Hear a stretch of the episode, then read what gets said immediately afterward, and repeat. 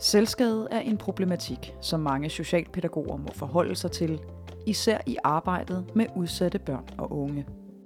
I denne udgave af Socialpædagogernes podcast kan du blive klogere på, hvad der kan ligge bag, og hvordan man som fagprofessionel kan hjælpe med at finde alternativer til den selvskadende adfærd.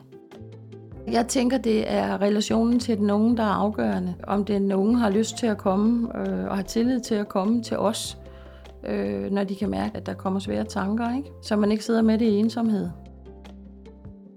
For selvskade er først og fremmest en strategi til at håndtere det, der er svært, også selvom det udefra kan virke voldsomt, og som den helt forkerte måde at håndtere sine følelser på. De har en eller anden udfordring, de ikke kan finde ud af at håndtere, eller ikke har fået hjælp til at kunne håndtere på anden måde, og selvskade virker rent faktisk. Du får ro i dit nervesystem, du får øh, en bedre kontakt til din krop, du får en oplevelse af at få en eller anden form for pusterum, eller en eller anden form for opmærksomhed, som kan hjælpe dig. Ikke?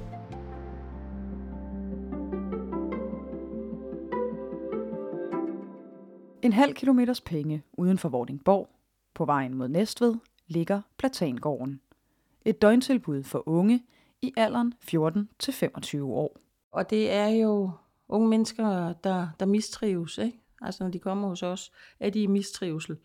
Og det er jo så os, der som pædagoger, detektiver kan man sige, skal prøve at få afdækket, hvad problematikken egentlig er. Ikke?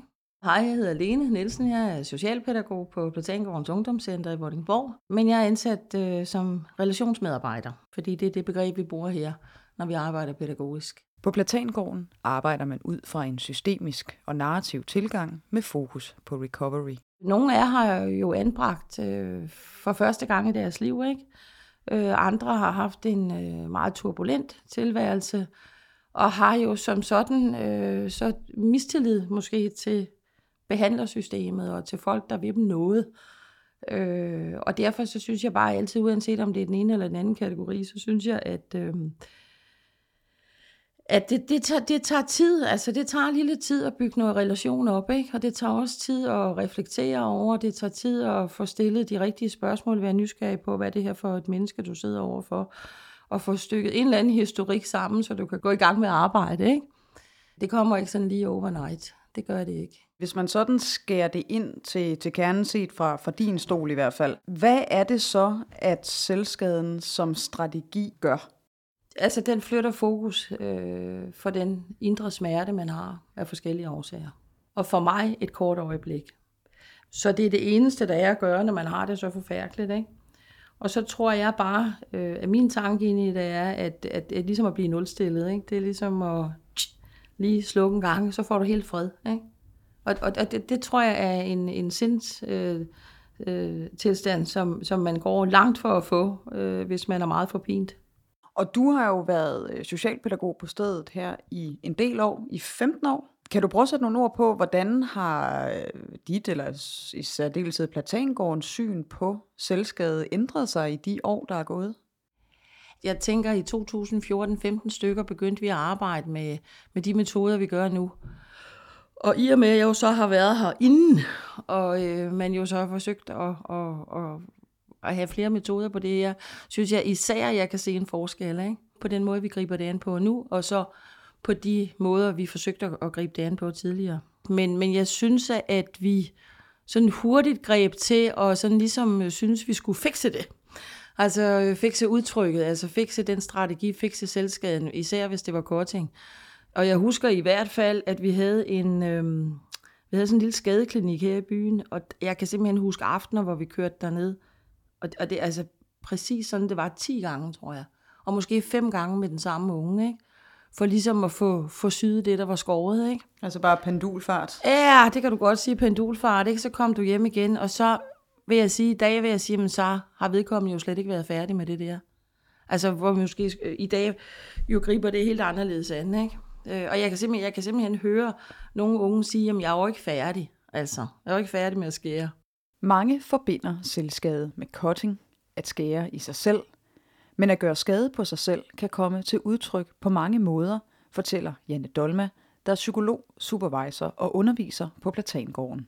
Altså, der er forskellige måder at definere det på, men øh, vi, jeg vil, her vil vi definere det ret, ret bredt. Det er en eller anden form for en måde, du har valgt at håndtere nogle ting i livet på, som på en eller anden måde er til skade for din krop. Ikke? Det kan jo være alt fra, at du cutter, det kan være fra, at du banker hovedet ind i en væg. Og øh, når vi siger, at vi definerer det så bredt, så er det fordi, at vi har, vi har hele bredden. Vi har unge, der og har haft unge, der, der kotter, der spiser rigtig mange piller og tager rigtig mange stoffer, som vi også kan definere, det som også kan være en form for selvskade, øh, som ikke spiser, eller som sulter sig selv, eller nægter at drikke, eller ja, vi har også haft et unge, som, jeg, øh, som har solgt sig selv seksuelt på en måde, hvor vi også har tænkt, at det her det er selvskade. Fordi det har handlet om at, at, at få gjort så meget skade på sig selv i den proces. Og det, og det virker jo så i øjeblikket, ikke? Altså det gør det jo, ikke? Så, øh, og hvis man så ikke ligesom, hvad kan man sige, har nogen at tale øh, med, øh, som kan sætte noget andet i stedet, eller få det andet fokus på en, ikke? Øh, eller få en på ens andre værdier, så kan man jo blive ved med det. Den giver et eller andet, der hjælper. Om det så er en kontakt til kroppen, eller får styr på nogle følelser, eller om det er, jeg kan ikke finde ud af at sige, at jeg har brug for hjælp på en anden måde, øh, fordi der er aldrig blevet lyttet til mig, så jeg har lært, at jeg er nødt til at være meget tydelig i min kommunikation, hvis jeg skal have nogle voksne til at reagere.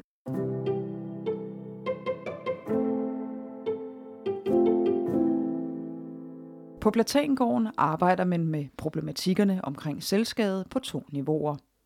I første omgang handler det om at hjælpe de unge med at begrænse omfanget og voldsomheden ved at sætte noget andet i stedet, fortæller Lene Nielsen. Altså, jeg har i hvert fald haft eksempler på, at, at en elastik rundt om håndledet, at, at det har man ligesom, har jeg tilbudt, og øh, hvor der så også har været en efterspørgsel på det senere hen, ikke? Så jeg kan godt lige prøve det der, ikke?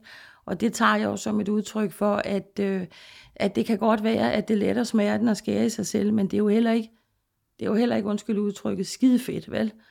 Øh, så, så måske er, er det, eller jeg ser det som et udtryk for at prøve at arbejde lidt med det der, ikke?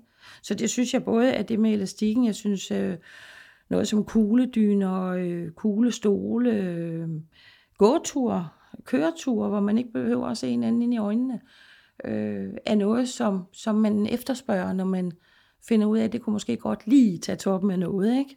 For andre hjælper det at sidde med hænderne i et isbad, eller spise en vingummi eller et stykke chokolade med stærk chilismag. Om ikke andet, så får man flyttet fokus.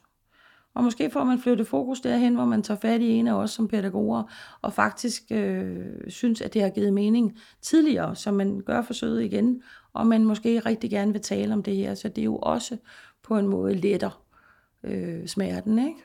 Psykolog Janne Dolma fortæller, at man i nogle tilfælde også laver aftaler med de unge om såkaldt kontrolleret selvskade. Og der kan det jo godt være, øh, at man i en periode bliver nødt til at tænke, okay, det her det er meget voldsomt, så indtil vi, kan komme, indtil vi har lært dig godt nok at kende til, at vi kan øh, tale om hvorfor, så indtil man kan det og har den relation og den kontakt, så kan det godt være, at man er nødt til at sige, okay, så vil du så lige hjælpe dig med at gøre det mindre voldsomt, for det er rigtig meget, du cutter for eksempel, og det er rigtig meget, vi skal på skadestuen med dig, og det er rigtig meget, du skal syes jeg har haft en pige, der øh, på et tidspunkt skar rigtig meget, og skar øh, rigtig dybt, og hende kunne vi i en periode lave en aftale med, at hun ikke skar så dybt, og hun kun skar tre gange, indtil vi kunne komme derhen, hvor vi kunne snakke med hende om, men hvorfor er det overhovedet en strategi, du har behov for? Hvorfor er det egentlig, at du har behov for at kotte? Hvad handler det om? Og for hende, der handlede det om øh, en familie, som, øh, hvor hun havde følt sig rigtig meget i klemme, og hvor hun havde følt, at forældrene havde valgt hende fra og alle hendes søskende til. Ikke? Så det havde været hendes måde at håndtere alle de følelser. Men også, at hun jo rent faktisk begyndte at få noget opmærksomhed fra sine forældre, da hun begyndte at korte. Ikke? Og derfor blev det også svært for hende at bare lægge den fra sig, fordi så skal jeg måske sige farvel til mine forældres opmærksomhed. Og nu har jeg endelig fået den. Ikke? At finde frem til årsagerne bag selvskaden er det, man ultimativt arbejder hen imod på Platangården. Men det er et langt sejt træk, der starter med langsomt at opbygge en relation. Man skal starte med at, at få nogen til at, at få skuldrene ned og kunne mærke, at der er noget tillid ved måske ganske, ganske små spørgsmål. Ikke? Og det kan, det kan være sådan en omsorgsspørgsmål omkring mad og tøj, og har du sovet godt, og Altså, hvad kunne du tænke dig? Kunne du tænke dig at køre en tur? Kunne du tænke dig? Altså, på den måde arbejde så lidt ind på, på, øh, på den unge. Og, altså, nogen vil ingenting i starten, og nogen begynder lidt, ah, så kunne det godt være, at jeg lige vil med ud og gå en tur, eller så kunne det godt være, at jeg lige vil med ned og handle, eller et eller andet. Og det kan jo godt være, at der sidder nogen inde på værelset og sidder længe, men tænker, at Nu kunne man altså rigtig, rigtig godt tænke sig, at vedkommende kom ud, og så vi kunne få lidt fat. Vi kunne få, få hænderne nede i oldedejen. øh, og så må man, det kan være små ting, altså invitere ud til aftensmad, øh, invitere, som jeg sagde før, på en gåtur, et eller andet. Invitere ud i stuen til noget hygge, ikke? Det kan så godt være, at man sidder over i hjørnet af en sofa og, og gemmer sig lidt i starten, men, men, men langsomt tør man op, ikke? Næste skridt for Lene Nielsen er at gå på opdagelse i de unges liv. Det hele er jo lidt et detektivarbejde. Og det kan være, at man sådan starter med at snakke lidt om familien. Øh, hvad har du lavet? Øh, øh, det er sådan tilbagerettet, altså kan man sige tilbagerettet spørgsmål, men også nogen, der peger ind i fremtiden. Ikke?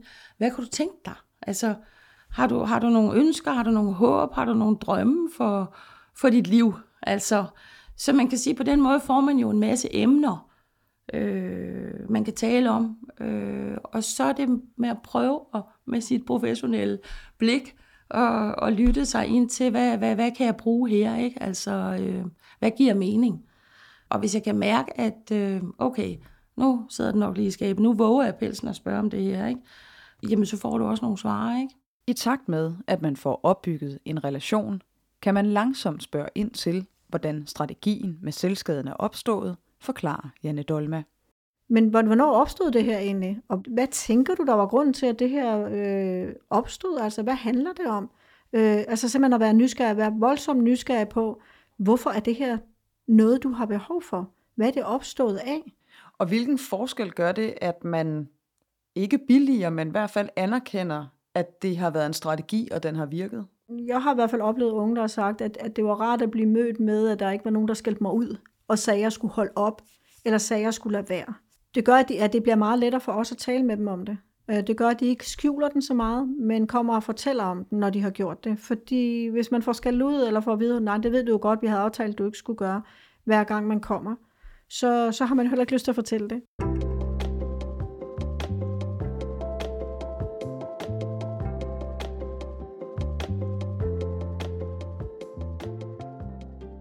I gængs forstand, så øh, er det jo også... Øh, abnormt at se øh, et menneske sidde og, og skære voldsomt øh, i sig selv, og, og blodet flyder. Og, øh, så jeg tror sådan, kan man sige, almindelige menneskers øh, reaktion på det er, at det skal holde op, ikke? At det skal holde op lige nu.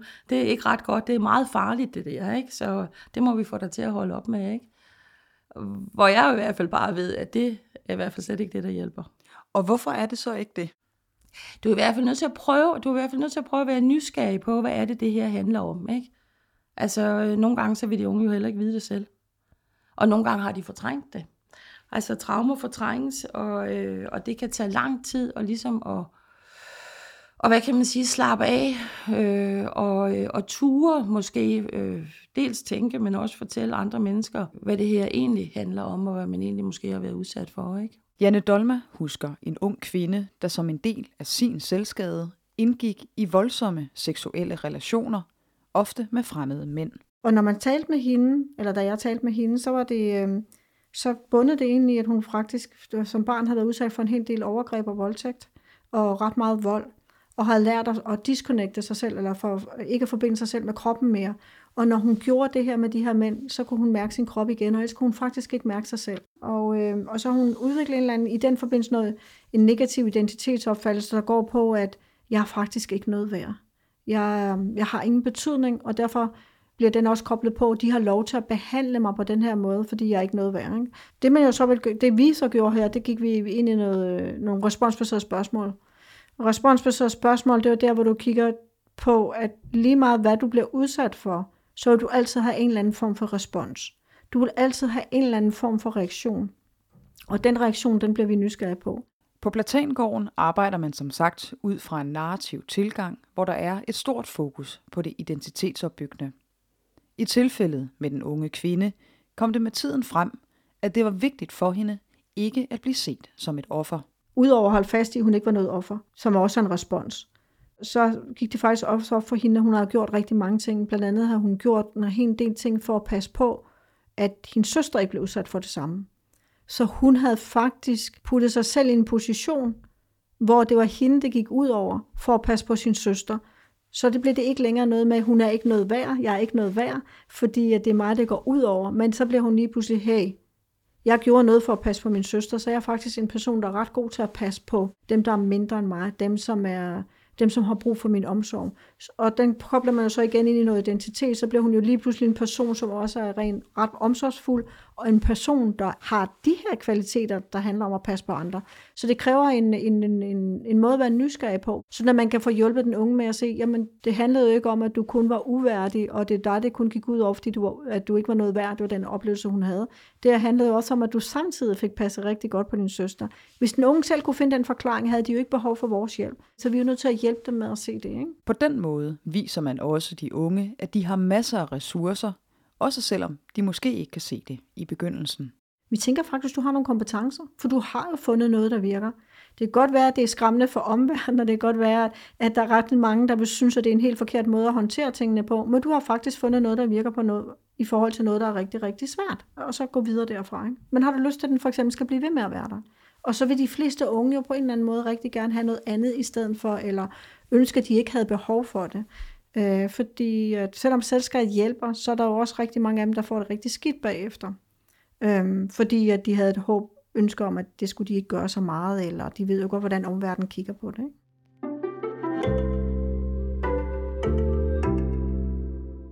Ved at se på selvskade som en strategi til at få en smule orden i et indre kaos, bliver det forhåbentlig også muligt at give de unge noget, de kan sætte i stedet, siger Lene Nielsen. Når man kommer her, mange er jo helt fastlåste, ikke? Øh, fastlåste og afmægtige i forhold til deres situation, ikke? Og jeg tænker ikke, at vi tænker på det som, at nu skal man helbredes for det. Jeg tænker, det simpelthen handler om at få fat i, hvad er der ellers derinde, som du som menneske kan bruge, så du kan komme, det kan vi som pædagoger tænke, komme i bedre trivsel, og forhåbentlig få et, et bedre liv, ikke? Altså jeg håber jo, man har fået en oplevelse af, at det kan betale sig at, og, at tale med nogen, søge hjælp hos nogen, ikke? Så det er, jo, det er jo sådan på den lange bane, det er jo sådan den der recovery, der skulle gøre, at du får et andet syn på dig selv, og du ved, at du kan gøre nogle andre ting, for det har du lært hen over et stykke tid, hvor du har været her, ikke? Og få mere selvindsigt og forståelse for, at, at jeg ikke er en fejl, altså jeg er ikke en fejltagelse, jeg, jeg har gjort det her af, af, af gode grunde, men det er ikke fordi, jeg er en spidsforstyrrelse, eller jeg er en, en kotter. Altså, det er jo en identitet i sig selv, der er rigtig dum, ikke? Øh, og, det, og, og det er der, jeg synes, vi gør en forskel i hvert fald fra tidligere og så til nu, ikke? Vil jeg sige, at de to ting skiller vi ad, ikke? Det har også gjort en stor forskel, at der på stedet er kommet meget større åbenhed omkring at involvere de unge. Jeg synes i høj grad, at, øh, at vores arbejde lykkes, fordi at, øh, at vi, tager, altså, at vi øh, samarbejder. Altså samarbejder med den unge. Der er ikke noget her, hvor den unge, der nogen ikke må høre. Altså, jeg kan huske fra tidligere, at der har holdt masser af møder, øh, psykiatrien eller andre steder, hvor jeg har arbejdet, hvor den unge overhovedet ikke deltog. Altså, hvor familien ikke deltog. Øh, det er jo underligt, ikke? Altså, og det må også være virkelig nedværdigende, synes jeg, som ung, at vide, at nu sidder der en hel masse inde bag ved den der dør og snakker om mig, ikke? Og skal gøre sig eksperter øh, i, hvad jeg er for en, ikke? i stedet for at spørge mig. Ikke? Så det synes jeg er en helt stor styrke i det her, ikke? At, at de unge er med i det hele. Så der, der er ikke noget som sådan, man ikke kan tale om. Som Lene Nielsen nævnte tidligere, så kan det være lidt af detektivarbejde at finde frem til, hvad selvskaden hjælper på lige i øjeblikket, og hvad den er et udtryk for. Derfor er det vigtigt med et personale, der har en række metoder og spørgeteknikker, de kan bruge, for der er ikke nogen køreplan, siger Janne Dolma. Og så er de jo nødt til at afprøve og finde ud af, hvad gør jeg her? Hvad gør jeg her? Hov, det her virker, så det er den her vej, vi skal gå. Ikke? Så det beror jo på at sikre sig, at du har et fagligt et personal, der er klædt godt nok på til at kunne gøre det her, men, og som har nysgerrigheden og villigheden til det. Ikke? Så, så jeg er nødt til at sige, nok den primære nok at være nysgerrig og enormt lyttende. Og også høre de der ting, som jeg vil sige, der ligger bagved. Hvad er det, der ikke bliver sagt her? Det kræver en lydhørhed og en nysgerrighed og en, og hvad nu, hvis jeg stiller det her spørgsmål? Ikke? Så også måske en lille smule mod, tænker jeg.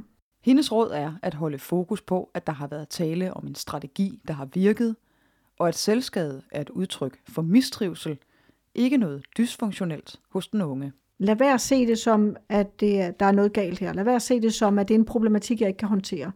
Øhm, og nu, nu er psykiatrien nødt til at tage over, fordi vedkommende øh, kotter, eller vel som vedkommende banker hovedet ind i væggen. Lad være at se det som, at det øh, ikke er noget, man kan håndtere i et pædagogisk felt, for det er faktisk noget, man meget bedre, tænker jeg, kan håndtere i et pædagogisk felt.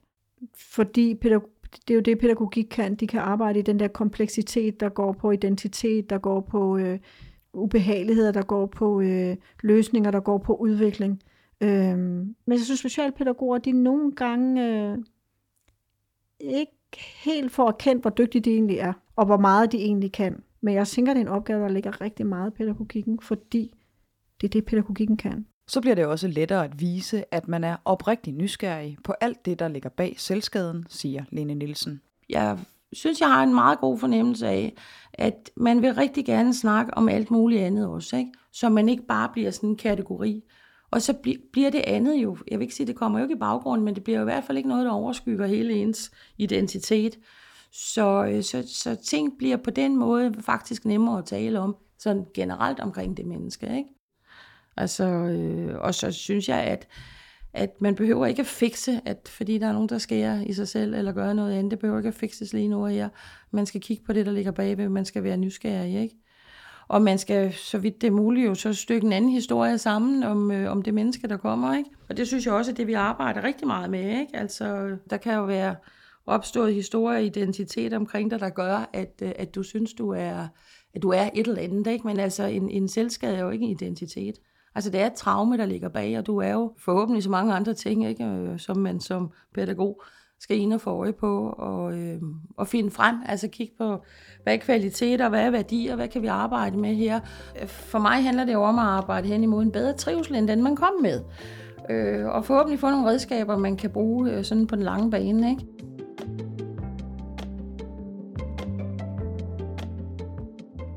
Du har lyttet til Socialpædagogernes podcast. Hvis du vil vide mere om selvskade, metoder og tilgange, så gå på opdagelse i vores faglige univers på sl.dk-fagligt fokus. Her kan du også finde refleksionsspørgsmål, der knytter sig til netop denne podcast, og som du kan bruge i det daglige eller til næste personaledag. Programmet er produceret af Genlyd Podcast. Mit navn er Mie Brandstrup. Tak fordi du lyttede med.